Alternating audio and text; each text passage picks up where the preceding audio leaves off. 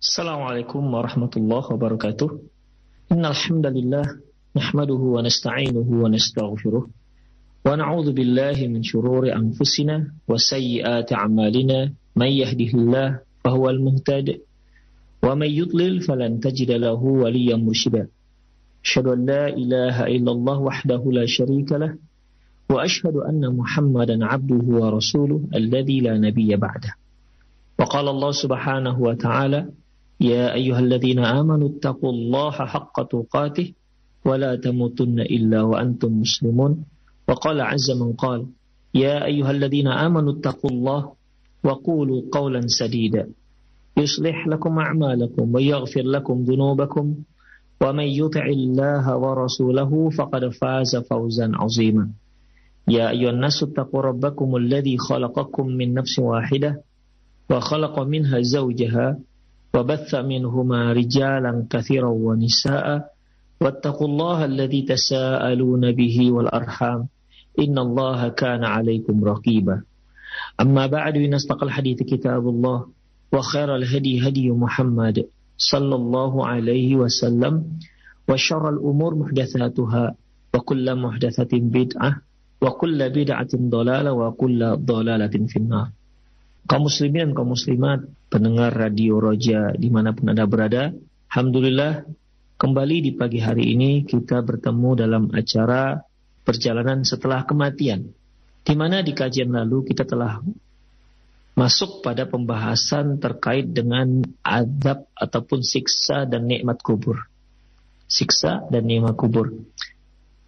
Di mana tentunya untuk menetapkan siksa dan nikmat kubur ini hanya bisa kita ambil informasinya dari Al-Quran dan Sunnah Rasulullah Sallallahu Alaihi Wasallam. Kita juga sudah singgung bahwasanya baik siksa kubur maupun nikmat kubur ini akan dialami oleh semua manusia. Akan dialami oleh semua manusia. Baik yang dia meninggal dan dikebumikan maupun mereka yang meninggal tidak dalam kondisi dikebumikan. Seperti dia meninggal terbakar misalnya sampai dia uh, jasadnya menjadi debu atau mereka yang meninggal dimakan oleh binatang buas atau mereka yang meninggal tenggelam misalnya ya di mana lama terendam air sehingga kulit dan dagingnya terpencar terpencar-pencar misalnya atau apa pun cara meninggalnya, ya, maka dia tetap mengalami adab kubur. Mereka dia tetap mengalami nikmat kubur. Ya, kalau dia seorang beriman, dia akan mendapatkan nikmat kubur. Dan apabila dia seorang yang kafir atau munafik, dia akan mendapatkan adab kubur. Dengan cara apa pun meninggalnya, dikebumikan maupun tidak dikebumikan. Ikhwah rahimanallah wa iyyakum. Inilah salah satu hal yang akhirnya ada orang-orang yang tidak percaya dengan adanya azab kubur. Padahal Al-Quran dan Rasulullah Sallallahu Alaihi dengan tegas dan sangat gamblang menjelaskan tentang adanya adab kubur. Ini dikarenakan menurut mereka bahwasanya tidak tidak masuk akal mereka, ya tidak masuk akal mereka. Bagaimana mungkin seorang yang mati dibakar kemudian berubah menjadi menjadi debu dan debunya di, diterbangkan ke hawa. Lantas kemudian dia mendapatkan adab kubur. Sementara dia tidak dikubur. Ya sementara dia tidak dikubur. Demikian ikhwah. Sehingga atas modal akal itulah mereka mengingkari adanya adab kubur Wa ankarat al-malahidah wa man tamadhhaba bimadhhabil falasifat minal islamiyyin adab al-kubri. Adapun orang-orang ateis dan orang-orang filosofi, orang-orang filosof, ya, mereka mengingkari adanya adab kubur. Wa qalu laisa lahu haqiqah. Mereka katakan adab kubur itu tidak hakiki. Ya, ya mungkin untuk mereka adab kubur itu hanya berupa simbol-simbol uh, untuk makna-makna tertentu. Tidak hakiki adanya adab di dalam kuburan seseorang.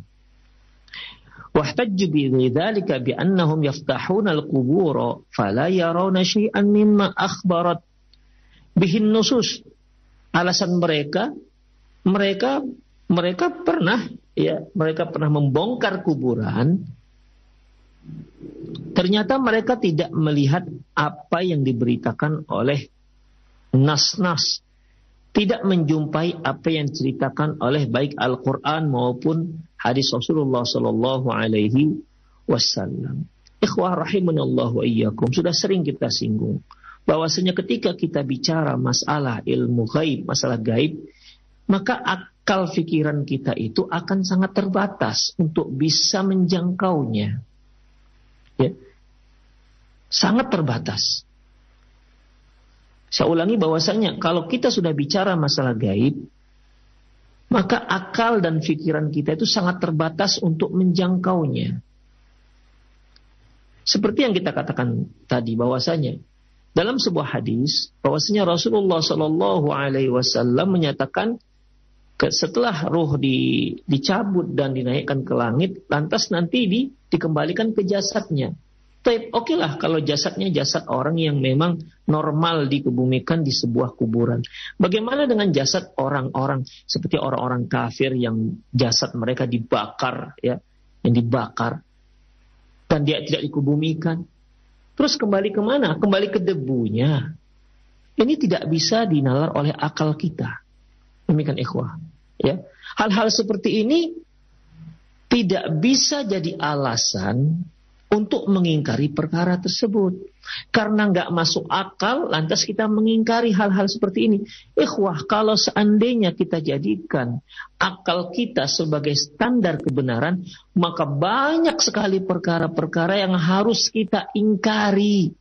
Tidak hanya masalah gaib, bahkan urusan dunia kita pun harus kita ingkari. Terlalu banyak, ikhwah, terlalu banyak. Iyyakum. Makanya tidak bisa akal itu dijadikan standar. Standar untuk menetapkan kebenaran. Standar untuk dijadikan sebagai sumber kebenaran. Ini dikarenakan akal manusia itu terbatas. Kemudian di samping itu akal itu ikhwah punya keterbatasan berbeda yang satu dengan yang lain. Ya, punya keterbatasan yang berbeda yang satu dengan yang lain. Ikhwah Coba perhatikan bagaimana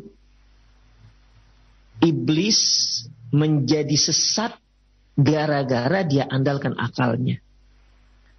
Ketika Allah Subhanahu wa taala katakan kepada kepada si iblis, malaikat, Ya, wa idh qulna lil malaikati isjudu li Adam fasajadu illa iblis. Ketika kami berkata kepada malaikat, sujud kamu, sujud kalian kepada Adam. Maka semuanya sujud.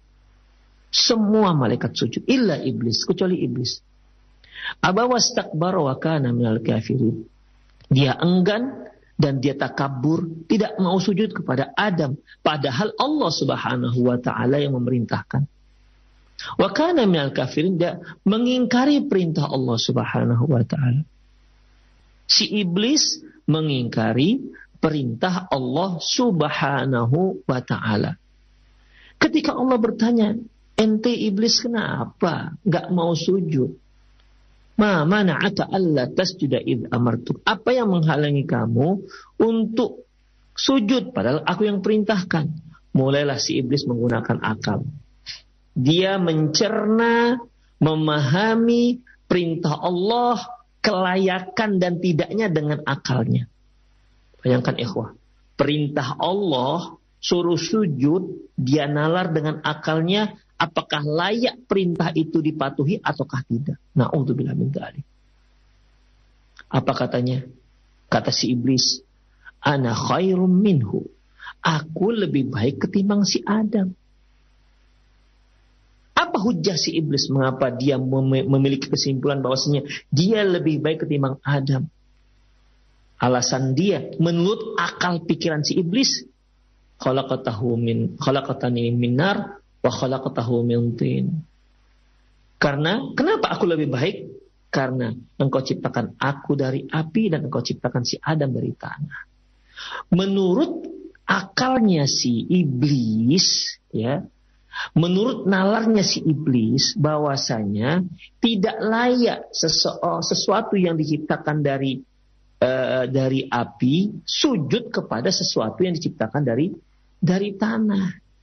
Karena apa? Menurut dia api itu lebih mulia dibandingkan tanah. Jadi nggak pantas.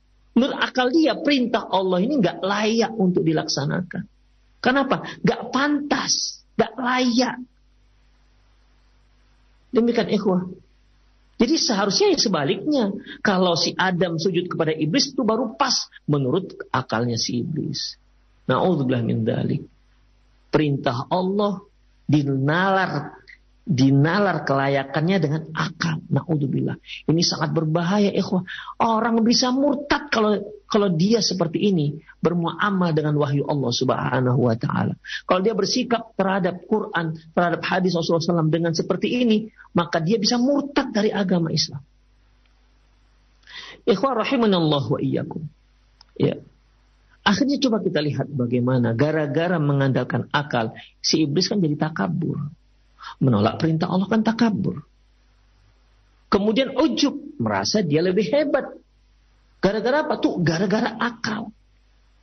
Demikian ikhwah. Kan kalau ada seorang berbuat baik, kemudian dia menganggap dirinya, wah lebih baik dibandingkan yang lain. Itu kan karena karena akal dia.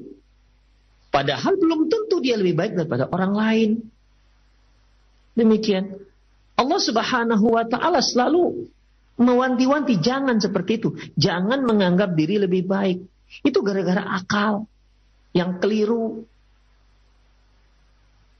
Bukankah Allah Subhanahu wa taala mengatakan la yaskhar qaumum min qaumin asa ayyakunu khairum minhum wala nisa'um min nisa'in asa ayyakunna khairum minhun.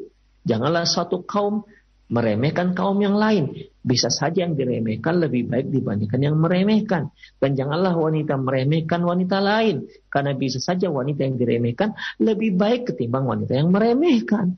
Makanya Allah sangat gamblang menyebutkan. Falatu zakku anfusakum. Jangan kalian anggap bersih diri kalian. Huwa a'lamu bimanik Dia lebih tahu siapa yang lebih bertakwa. Fala anfusakum. Jangan kalian anggap bersih diri kalian. Wa a'lamu bimani tada. Dia yang lebih tahu siapa yang mendapatkan hidayah dan petunjuk dari Allah Subhanahu wa taala. Ikhwan rahimanallahu iyyakum. Itu gara-gara dia mendewakan akalnya si iblis. Muncullah uh, sikap ingkarnya kepada Allah.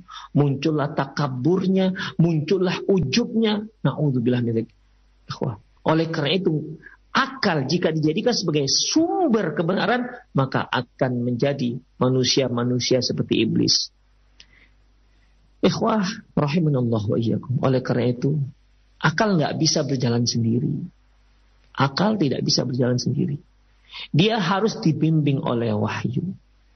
Harus dibimbing oleh wahyu. Harus disipir oleh wahyu kalau enggak dia akan menuju jalan yang sesat dan ingat jalan sesat itu ujungnya adalah neraka jahanam. Jadi kalau uh, menurut mereka bahwasanya azab kubur nggak bisa diterima gara-gara mereka pernah mem, membongkar kuburan tapi ternyata tidak mereka dapati apa yang disebutkan dalam Al-Quran dan apa yang disebutkan dalam Sunnah Rasulullah Shallallahu Alaihi Wasallam jelas ini membantah membantah Al-Quran dan Sunnah dengan akalnya. Demikian ikhwah.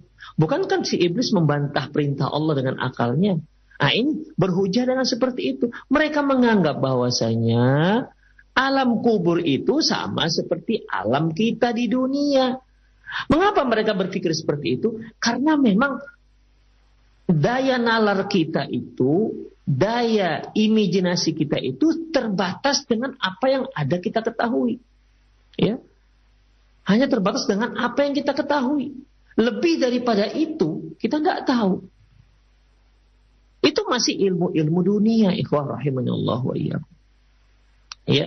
Jadi dia ini membantah membantah adanya adab kubur dengan kenyataan yang menurut mereka itulah sebagai hujah untuk membantahnya. Jelas sangat keliru. Di sini Allah Subhanahu wa taala bicara masalah alam barzak, bukan bicara masalah alam dunia. Sedangkan alam dunia saja banyak hal yang nggak masuk akal kita. Apalagi alam barzakh. Wa angkara ayda al-khawarij wa ba'dul mu'tazilah. Dan demikian juga Masalah adab kubur juga diingkari oleh orang-orang khawarij dan sebagian mu'tazilah. Kad Duror Amr. Seperti Duror bin Amr dan Bishr bin Bishr al-Muraisi. Wa khalafahum jami'u ahli sunnati wa aktsarul mu'tazilah. Dan pendapat mereka seperti ini mengingkari adanya adab kubur itu jelas diselisih oleh seluruh ahli sunnah.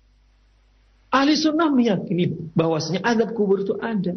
Loh kenapa ada? Mudah jawabannya. Kenapa ada? Jawabannya mudah. Karena ada dalam Al-Quran dan ada dalam sunnah Rasulullah Sallallahu Alaihi Wasallam. Bahkan ke, uh, umumnya orang Mu'tazilah juga mengingkari mereka.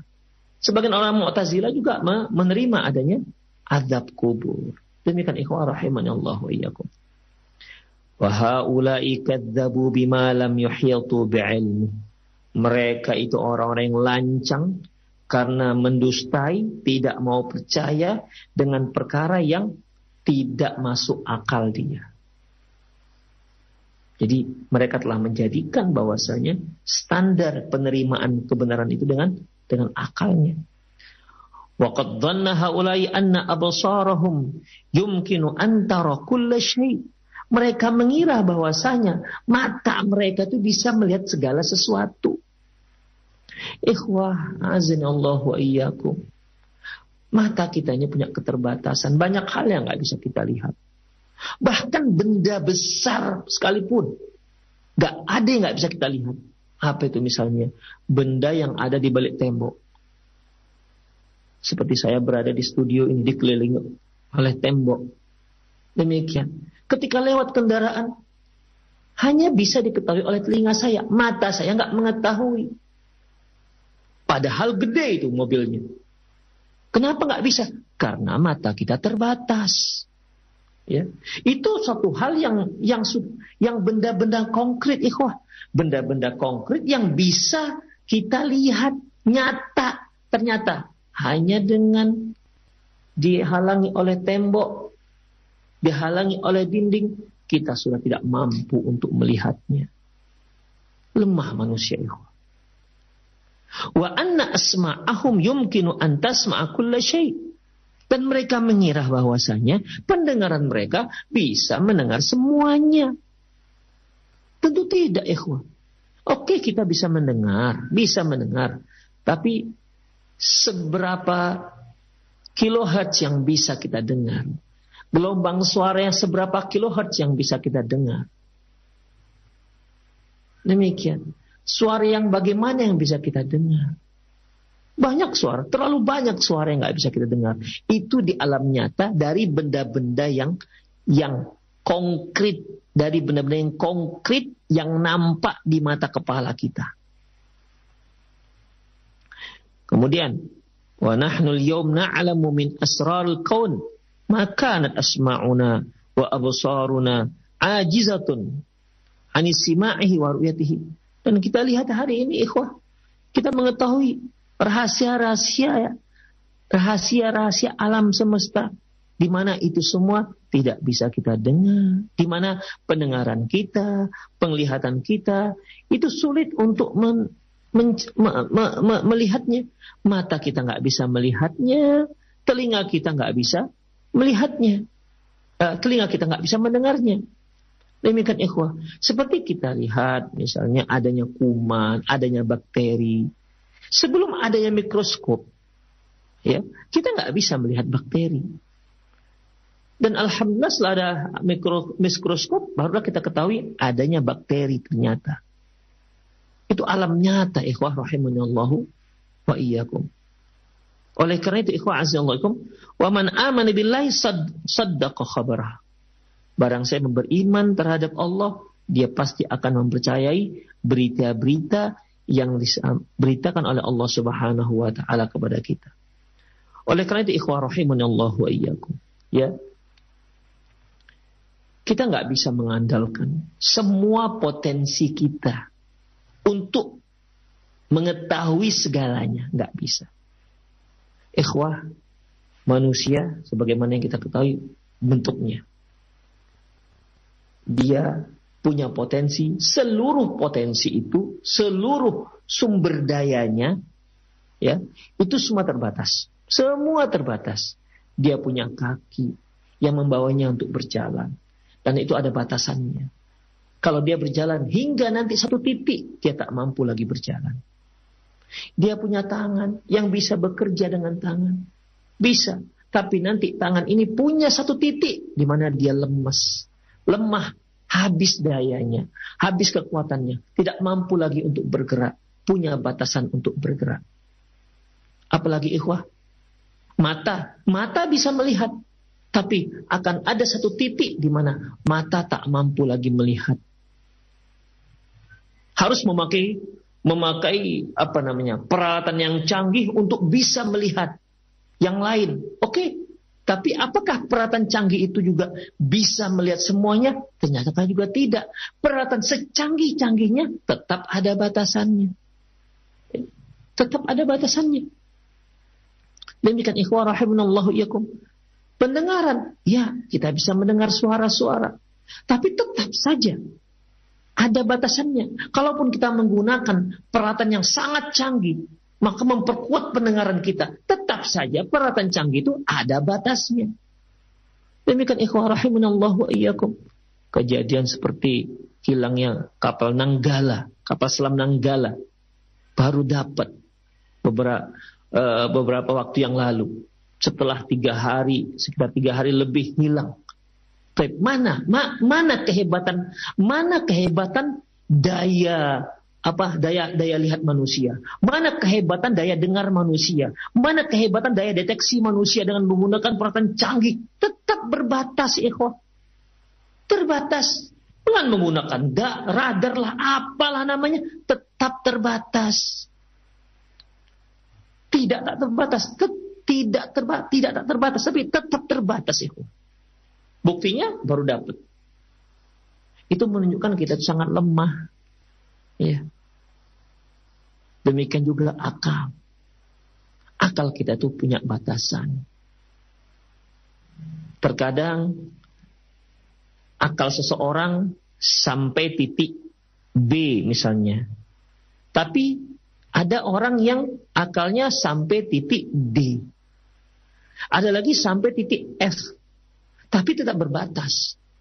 Ya, tetap tetap terbatas. Ikhwan rahimanallah wa iyyakum. Berikan contoh ya. Saya berikan contoh misalnya kondisi sekarang saja kita lihat.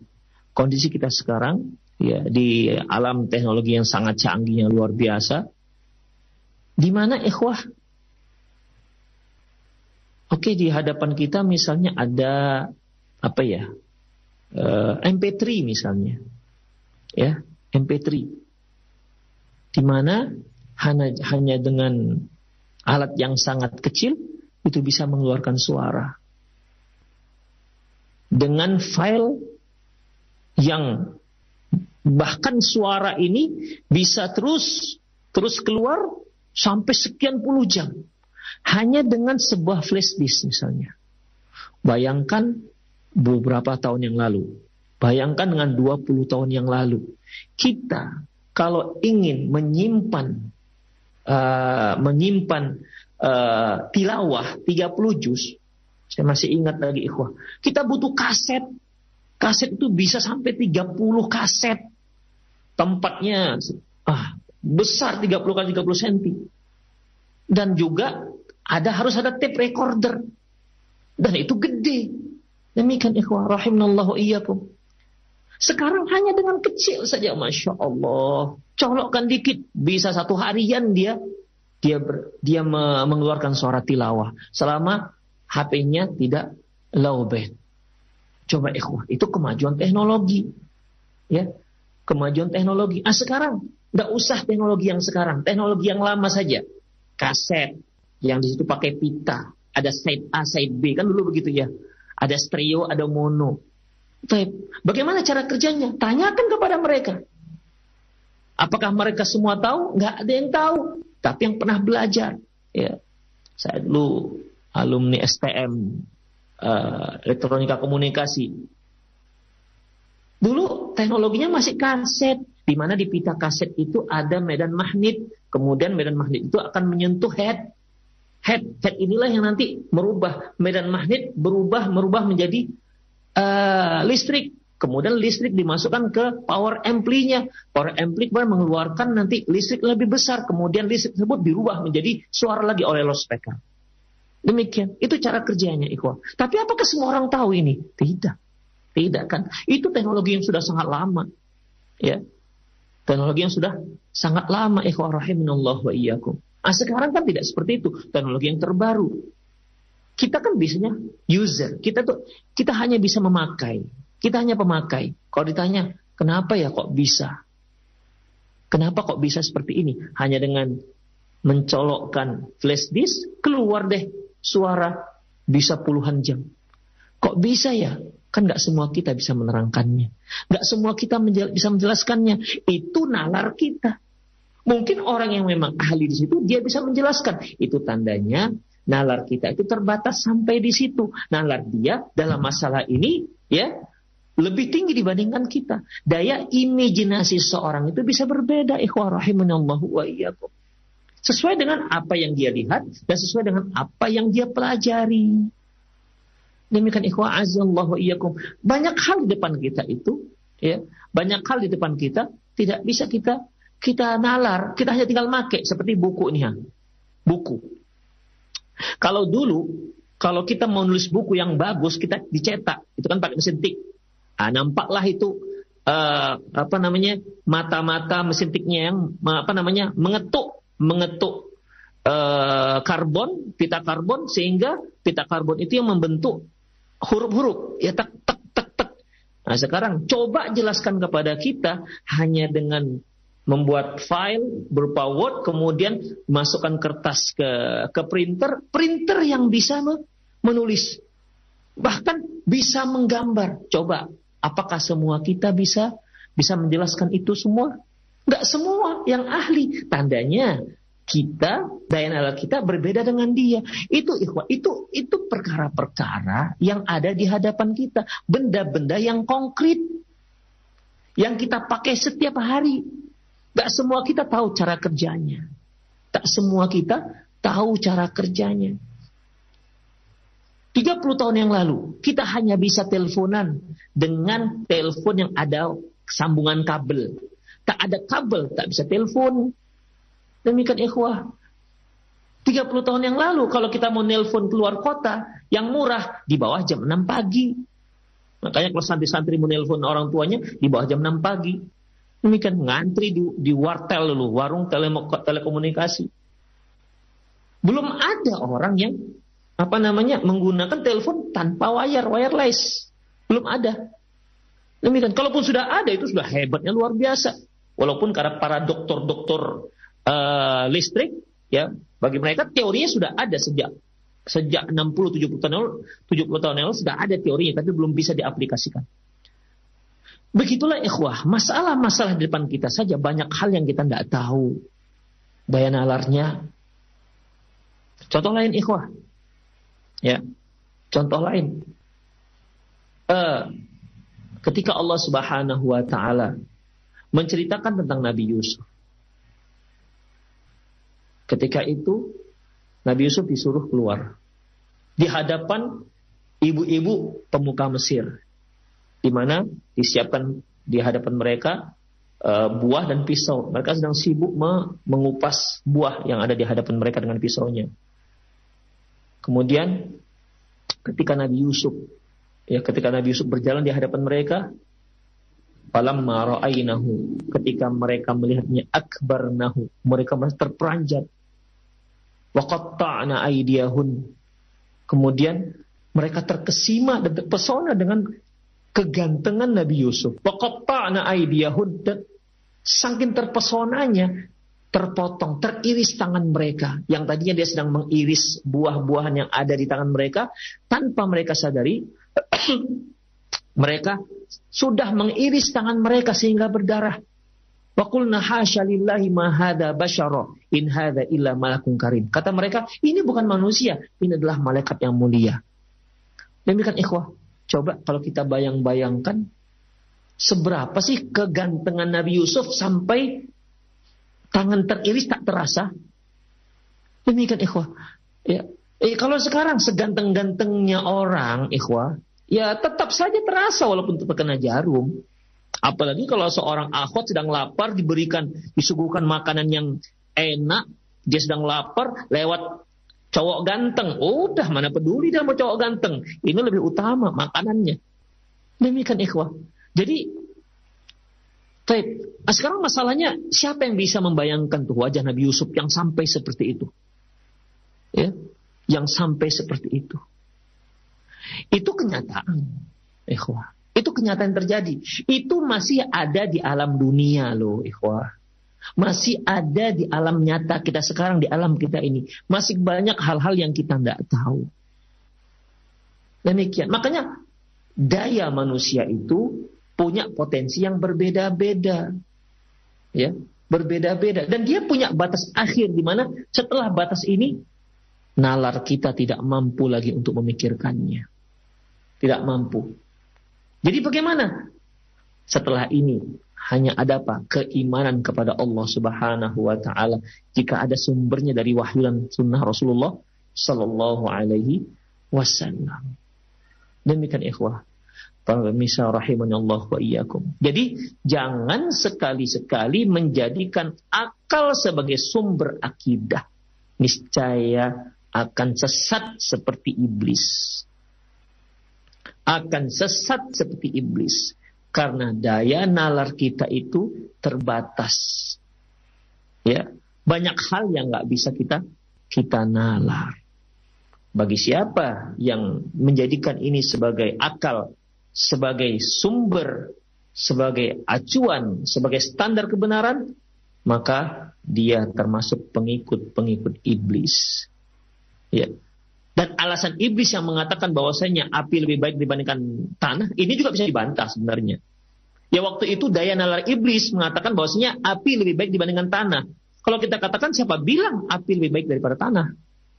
Siapa yang bilang? Siapa yang mengatakan? Bisa kita katakan bahkan tanah lebih baik dibandingkan api. Kita bantah akalnya si si iblis dengan akal kita juga. Coba kehidupan kehidupan dunia ini itu kan sumber dari tanah. Manusia hidup dari tanah. Makan dari tanah. Air dari tanah. Demikian ikhwah. Api, api bisa membakar. Dia hanya dibutuhkan untuk beberapa hal saja. Tapi tanah, tidak bisa. nggak bisa orang hidup tanpa tanah. Demikian. Jadi apa? Tanah lebih baik dibandingkan akal. Dibandingkan api. Jadi keliru. Nur akal kita, keliru akalnya si iblis. Demikian. Jadi akal itu bisa saja dibantah. Ikhwah rahimanallah wa iyyakum. Tapi kalau wahyu nggak bisa dibantah. Ya.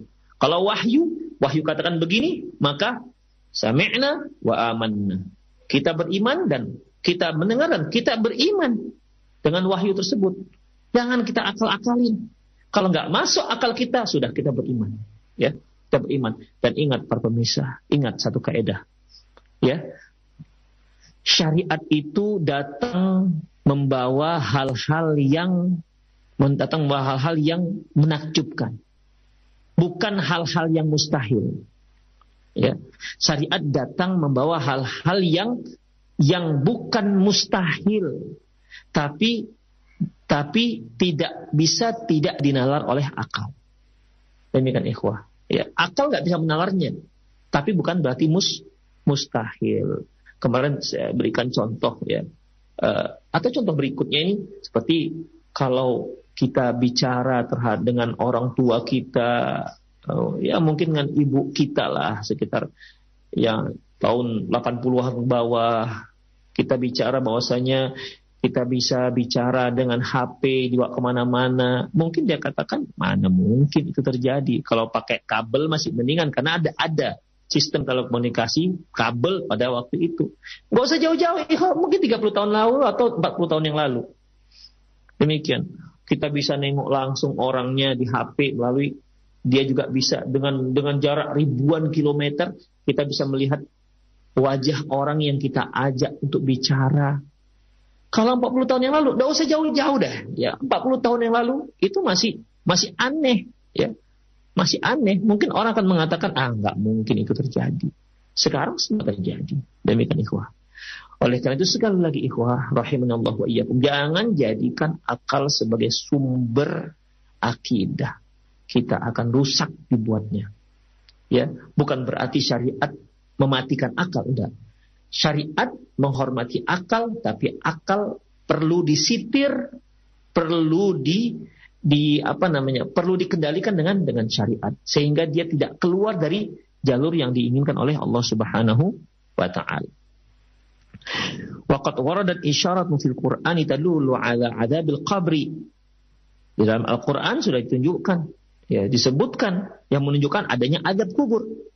Waqad tarajjama al-Bukhari fi kitabil al-janaizi di adabil qabri. Dan Imam Al-Bukhari juga membuat satu bab dalam kitab janaiz, dalam kitab jenazah yaitu tentang adab kubur. Faqala beliau katakan babun ma jaa fi adabil qabri. Bab tentang adab kubur. Wasaqa fi tarjamati qaulihi ta'ala dan beliau mencantumkan firman Allah Subhanahu wa taala idz zalimuna fi ghamaratil maut ketika orang-orang zalim berada dalam kesakitan sakatul maut wal malaikatu basitu aidihim sementara malaikat memukul-mukul mereka dengan tangan mereka akhriju anfusakum keluarkan diri kalian artinya malaikat memukul orang-orang kafir memukul orang-orang zalim ya agar nyawa keluar karena ikhwah orang-orang zalim orang-orang kafir ketika dia mau meninggal ya ketika dia mau meninggal, malaikat kan sudah kasih tahu bahwasanya dia akan mendapatkan kemurkaan Allah Subhanahu wa taala. Makanya ruhnya nggak mau keluar. Ya. Makanya ruhnya tidak mau keluar. Jadi dia dipaksa untuk keluar, dipaksa ditarik. Dipukul orang, dipukul supaya apa? Itu roh supaya keluar. Akhriju anfusakum. Baik, keluar kalian dari dari jasad. Al yauma tujzauna adzabal hun. Hari ini kalian akan mendapatkan balasan adab yang yang hina. Allah Subhanahu wa taala firman kemudian beliau juga menyebutkan firman yang lain sanu'adzibuhum marrataini thumma yuradduna ila adzabin azim. Dan kami akan mengadab mereka menyiksa mereka dua kali.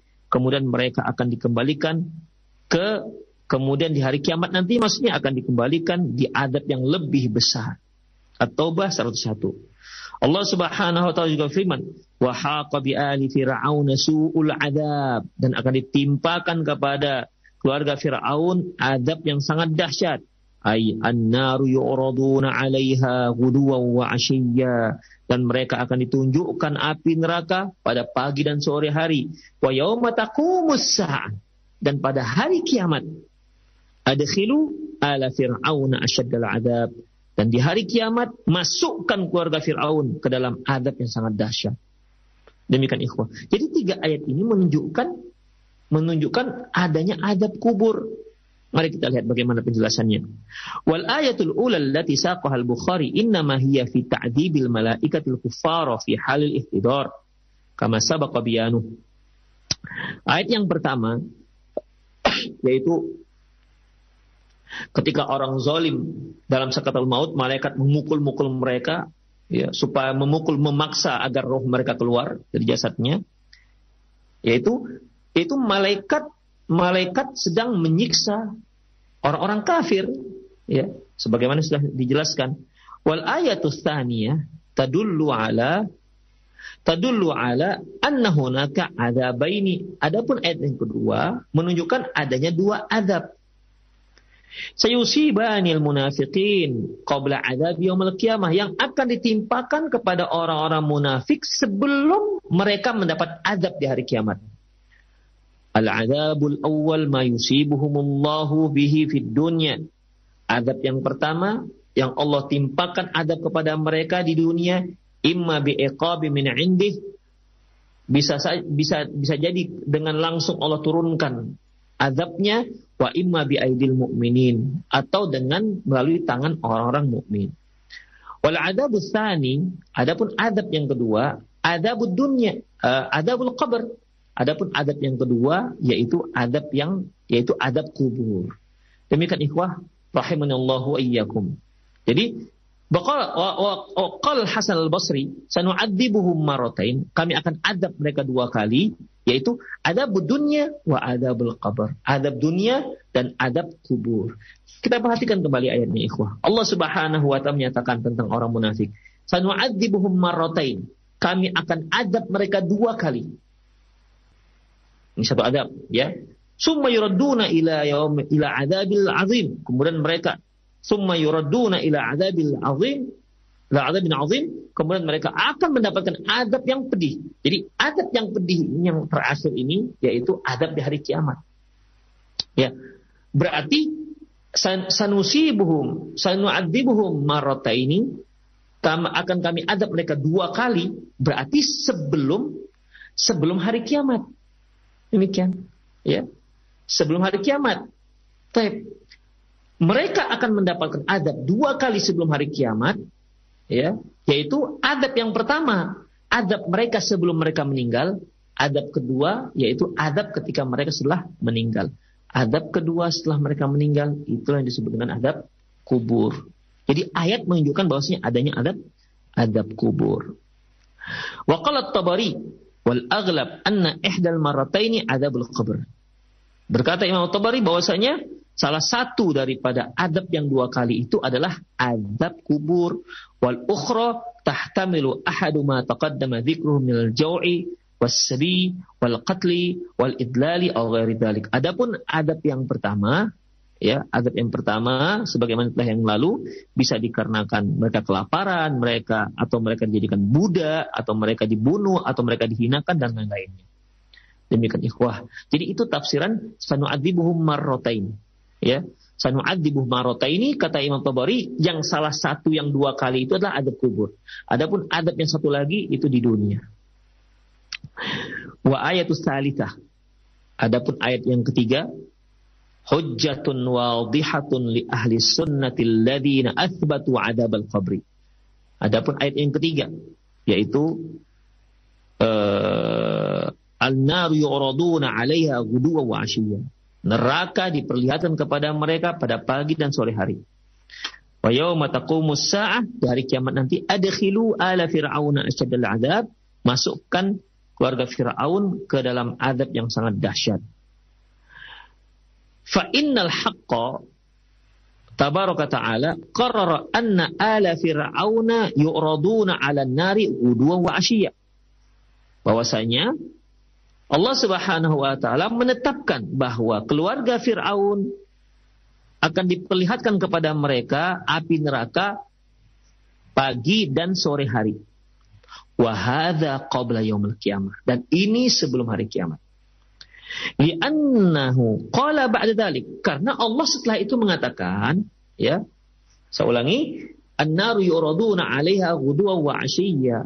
Allah memperlihatkan kepada uh, keluarga Fir'aun api neraka di pagi dan sore hari. Setelah itu Allah katakan, wa yauma taqumus Nanti di setelah terjadinya hari kiamat, ada silu ala Fir'aun asyaddal adab. Masukkan keluarga Fir'aun ke dalam adab yang sangat dahsyat. Demikian. Ghafir ayat 36. Qala qala al-Qurtubi jumhur ala anna hadzal ard yakunu fil barzakh. Jumhur para ulama mayoritas para ulama menyatakan bahwasanya keluarga Fir'aun diperlihatkan api neraka pagi dan sore hari ini adalah di alam barzah dan itulah adab kubur. Wa hujjatun fi tathbiti adab al-qabri. Ini merupakan hujah penjelasan yang sangat jelas tentang penetapan adanya adab kubur. Wa minal isyaratil qur'aniyatil wadihatil dalati ala fitnatil qabr wa adabuh wa adabihi di antara isyarat yang disebutkan, isyarat yang wadih, yang jelas dalam Al-Quran tentang fitnah kubur, tentang fitnah dan adab kubur, yaitu firman Allah Subhanahu wa taala, "Yuthabbitullahu alladhina amanu bil qawli tsabit fil hayati dunya fil akhirah." Allah Subhanahu wa taala menetapkan memberikan keteguhan kepada orang-orang beriman dengan ucapan yang teguh fil hayati dunia di masa di kehidupan dunia wa fil akhirah dan di hari akhirat. Ibrahim ayat 27. Fafil hadisi alladhi yarwihi al-Barra bin Azib dalam hadis yang diriwayatkan oleh Barra bin Azib radhiyallahu anhu radhiyallahu anin Nabi sallallahu alaihi wasallam qala dia berkata idza uq'ida al-mu'minu fi qabrihi utiya thumma syahida alla ilaha illallah wa anna muhammadar rasulullah. Apabila orang mukmin didudukkan dalam kuburannya kemudian dia pun didatangi lantas dia akan bersaksi tiada ilah yang berhak disembah kecuali hanya Allah dan Muhammad Rasulullah. Fadzalika qauluhu, inilah ucapan, inilah firman Allah, yusabbitullahu alladhina amanu bil qawli tsabit. Allah meneguhkan orang-orang beriman dengan ucapan yang teguh, yaitu ucapan la ilaha illallah. Wa fi riwayatul ukhra, dalam riwayat yang lain, wa zada ada tambahan yusabbitullahu alladhina amanu nazalat fi adabil qabri, yaitu yang dimaksud adalah yusabbitullahu alladhina amanu Allah Subhanahu wa taala memberikan keteguhan orang-orang beriman dengan ucapan yang teguh yaitu nazalat fi adab qabri yang itu turun pada tentang adab kubur. Hadis ini diriwayatkan oleh Imam Bukhari.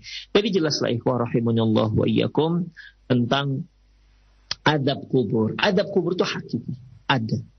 Ya. Dan tidak bisa diingkari lagi. Dalam Al-Qur'an sudah sangat jelas. Ya. Disebutkan Allah Subhanahu wa taala. Allah isyaratkan tentang adab kubur. Tadi pertama yaitu surah Al-An'am ayat 93, kemudian At-Taubah ayat 101, surat Ghafir atau surat Mukmin ya ayat 44 sampai 45. Demikian juga surat Ibrahim ayat 27. Allah Subhanahu wa taala menyebutkan adanya adab kubur. Ikhwah rahimanallah wa iyyakum. Terus kalau kita ingkari, apa yang akan terjadi pada akidah seseorang? Mengingkari firman Allah Subhanahu wa taala. Coba kita lihat lagi. Bagaimana pula dengan hadis Rasulullah sallallahu alaihi wasallam? Sebagaimana kita harus konsisten bahwasanya hadis yang kita utarakan adalah hadis yang sahih, yang dhaif tidak usah, tidak usah dipakai. Apalagi terkait dengan masalah akidah, harus hadisnya hadis yang yang sahih. Di antaranya ikhwah, hadis yang diriwayatkan oleh Imam Muslim. Dari Aisyah radhiyallahu anha. Qalat dia berkata, dakhalat alayya ajuzani min ujuzi Yahud Madinah. Bahwasanya ada dua orang nenek-nenek eh, bertandang ke rumah Aisyah radhiyallahu anha. Faqalata mereka mengatakan inna ahlul kubri yu'adzabuna fi kuburihim. Sesungguhnya penghuni kubur itu akan diadab di kuburannya kelak. Qalat fakadzabtuhuma walam un'am an usaddiqahuma. Dan aku tak bisa menerima. Aku tak bisa menerima ucapan mereka tersebut. Dan aku juga uh, aku dustai. Aku mendustai ucapan mereka dan aku juga nggak bisa menerimanya, nggak bisa membenarkannya. Setelah itu fakharajata, maka dua nenek-nenek ini pun keluar. Wadakhala Rasulullah SAW. Setelah itu masuklah Rasulullah SAW. Jadi ada satu hal yang ganjal. Apa betul ada adab kubur? Nah, begitu. Apa betul dikatakan dua nenek-nenek Yahudi itu? Fakultulahu. Maka aku pun bertanya kepada Rasulullah. Ya Rasulullah, inna ajuzaini mina ujuzil ujuzil Yahudi Madinah dakhalata alayya. Ya Rasulullah, tadi ada dua nenek-nenek Yahudi. Dia bertandang ke rumah ke rumahku, faza'amata anna ahlal kuburi yu'adzabuna fi kuburihim. Mereka mengatakan bahwasanya penghuni kubur akan diadab dalam kuburan mereka. Faqala sadaqta sadaqata. Apa kata Rasulullah? Betul tuh nenek ini. Betul apa yang dikatakan dua nenek Yahudi tersebut. Innahum yu'adzabuna adaban tusmi'uhul bahaim. Sungguhnya mereka akan diadab dengan adab yang didengar oleh hewan-hewan. Jadi ikhwah, ceritan penghuni kubur yang sedang diadab ternyata didengar oleh hewan-hewan. Ya. Didengar oleh hewan. Hewan mendengar ada teriakan, rong, terangan, kesakitan didengar oleh hewan. tusmi'uhu al-bahaim. Itu tasma'uhu ya, tasma'uhu al-bahaim. Didengar oleh hewan-hewan. Qalat apa kata Aisyah, "Fama ra'aituhu ba'da fi ba'du fi sholati illa yata'awwadu min adzabil qabri." Sejak saat itu aku tidak melihat Rasulullah setelah salat kecuali beliau berdoa pada Allah berlindung dari adab adab kubur. Kemudian ikhwah, selanjutnya uh, dalam Sahih Bukhari dari Asma binti Abi Bakar radhiyallahu anha, qalat dia berkata, "Qama Rasulullah sallallahu alaihi wasallam khatiban." Nabi SAW berdiri berkhutbah fadzakara fitnatal qabril lati yuftinu fihal mar'u. Maka beliau pun dan beliau menyebutkan menyinggung tentang adab fitnah kubur yang akan dialami oleh setiap orang. Falamma dzakara dzalika dajjal muslimuna dajjah. Ketika beliau menyebutkan masalah ini, ya, fitnah kubur, menyebutkan adab kubur, maka kaum muslimin yang mendengar itu riuh, gaduh. Wah, merasa merasa cemas tentang diri mereka. Mereka nanti bagaimana? Cemas, dojja, muslimuna dojjatan. Kaum muslimin menjadi riuh, gaduh. Hadis ini diriwayatkan oleh Imam Bukhari. Dan dalam hadis yang diriwayatkan oleh Imam Nasai ada tambahan halat baini wa baina an afhama kalama Rasulullah SAW. Karena suara jadi gaduh ketika Rasulullah katakan setiap orang akan mendapatkan fitnah kubur. Setiap orang akan mendapatkan setiap orang akan mendapatkan ujian kubur, fitnah kubur. Kalau mereka berhasil menjawabnya, maka mereka akan mendapatkan nikmat kubur. Kalau tidak, mereka akan mendapatkan azab kubur. Uf, rame. Ya, rame kaum muslimin. Waktu itu ketika mendengar statement dari Rasulullah Sallallahu Alaihi Wasallam. Tetapi permasalahannya, ya, uh, Asma binti Abu Bakar karena ribut, rame jadinya, ya, rame, dia nggak begitu paham tentang apa yang diucapkan Rasulullah SAW. Falamma sakanat dajjatuhum, ketika sudah reda gaduhnya, riuhnya, kultu li rajulin. Maka aku pun bertanya kepada seorang yang di dekatku. Ai barakallahu lak. Ya semoga Allah memberkatimu. Mada qala Rasulullah SAW akhir qawlihi. Sebenarnya apa sih yang diucapkan Rasulullah di akhir ucapannya? Kok sampai orang rame begitu kira-kira? Qala qad uhiya ilayya, beliau mengatakan, qad uhiya ilayya, telah diwa, baru saja diwahyukan kepadaku annakum tuftanuna fi kuburi qariban min fitnatil dajjal. Sesungguhnya kalian akan mendapat fitnah kubur seperti fitnah dajjal. Sebagaimana fitnah dajjal pasti akan datang, demikian juga fitnah kubur juga pasti akan menimpa pasti akan dijalani oleh semua orang tanpa terkecuali. Ya, tanpa terkecuali. Demikian ikhwah Allah wa iyyakum. Jadi dari hadis Rasulullah SAW, Sahih, riwayat Bukhari, riwayat Muslim, ini merupakan uh, kitab hadis yang telekat ummah biqabuliha, yaitu yang umat kaum para ulama sepakat menerima hadis-hadis yang diriwayatkan oleh Imam Bukhari maupun Imam Imam Muslim ya sudah diakui akan kesohihannya. Demikian, demikian apalagi Al-Qur'an ikhwah yang menyebutkan dengan sangat gamblang mengisyaratkan adanya adab adab kubur. Lantas apalah lagi alasan kita untuk menolak adab kubur ini? Apalagi alasan kita untuk menolaknya? Akal, naudzubillah. Ya, akal tidak bisa menalar adab kubur. Tidak bisa, ikhwah. Karena keterbatasannya. Seperti yang pernah saya singgung bahwasanya seorang itu bisa menalar dikarenakan pengalamannya. Pengalamannya dan dia juga atau informasi dari orang lain. Informasi dari orang lain itu pun bisa saja dia tidak terima. Karena akal dia yang terbatas.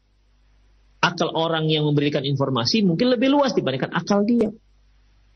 Demikian ikhwah rahimunallah wa iyyakum. Ya. Demikian juga adab kubur. Adab kubur tak pernah dilihat oleh se se seorang manusia pun. Adapun yang pengalaman katanya pernah dia ya ada yang membongkar kuburan ternyata ada di situ mayatnya jenazah sudah terbakar itu kan asumsi-asumsi saja ikhwah. Rahimahnya Allah. Ini bisa saja iya, bisa saja enggak, ya. Bisa iya, bisa enggak.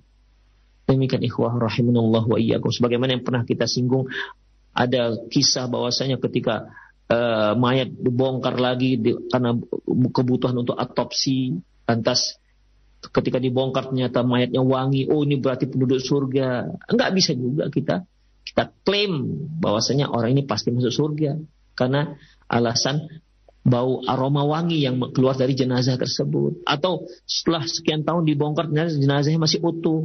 Oh ini pasti penduduk surga ini. Tidak bisa juga kita klaim seperti itu.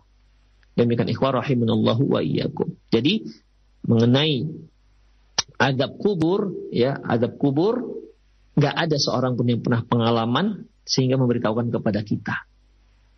Ya. Nggak ada pengalaman dia, kemudian dia keluar dari kuburan dan menceritakan kepada kita. Belum ada yang pernah terjadi, ikhwah. Jadi sumber satu-satunya yang bisa kita percaya yaitu dari Al-Quran dan Sunnah Rasulullah SAW. Dan kita wajib untuk mengimani Al-Quran dan mengimani Sunnah Rasulullah Sallallahu Alaihi Wasallam yang sahih, ya, apakah itu terkait dengan hukum maupun terkait dengan berita-berita gaibnya. Demikianlah ikhwah rahimunallah wa iyyakum para pemirsa Roja TV dan pendengar radio Roja di mana pun Anda berada. Semoga kajian kita ini bermanfaat. Bahwasanya adab kubur itu ada dan keliru kalau seorang manusia menstandarisasikan kebenaran dengan akalnya. Sekali lagi, akal kita terbatas sebagaimana potensi kita seluruhnya terbatas banyak hal yang tidak bisa kita capai dan banyak hal yang nggak bisa kita nalar karena keterbatasan kita. Demikianlah para ikhwatiddin rahimallahu iyyakum. Semoga kajian kita ini bermanfaat. Dengan kurang mohon maaf, aku lupa lihada wa astaghfirullah li wa lakum wa muslimin innahu wal rahim. Kita akhiri kajian kita pada pagi hari ini dengan mengucapkan subhanakallahumma wa bihamdik asyhadu an la ilaha illa ant astaghfiruka wa atubu ilaik. Wassallallahu ala nabiyina Muhammad wa ala alihi wa ashabihi ajma'in. Wa akhir da'wan alhamdulillah rabbil alamin. Assalamualaikum warahmatullahi wabarakatuh.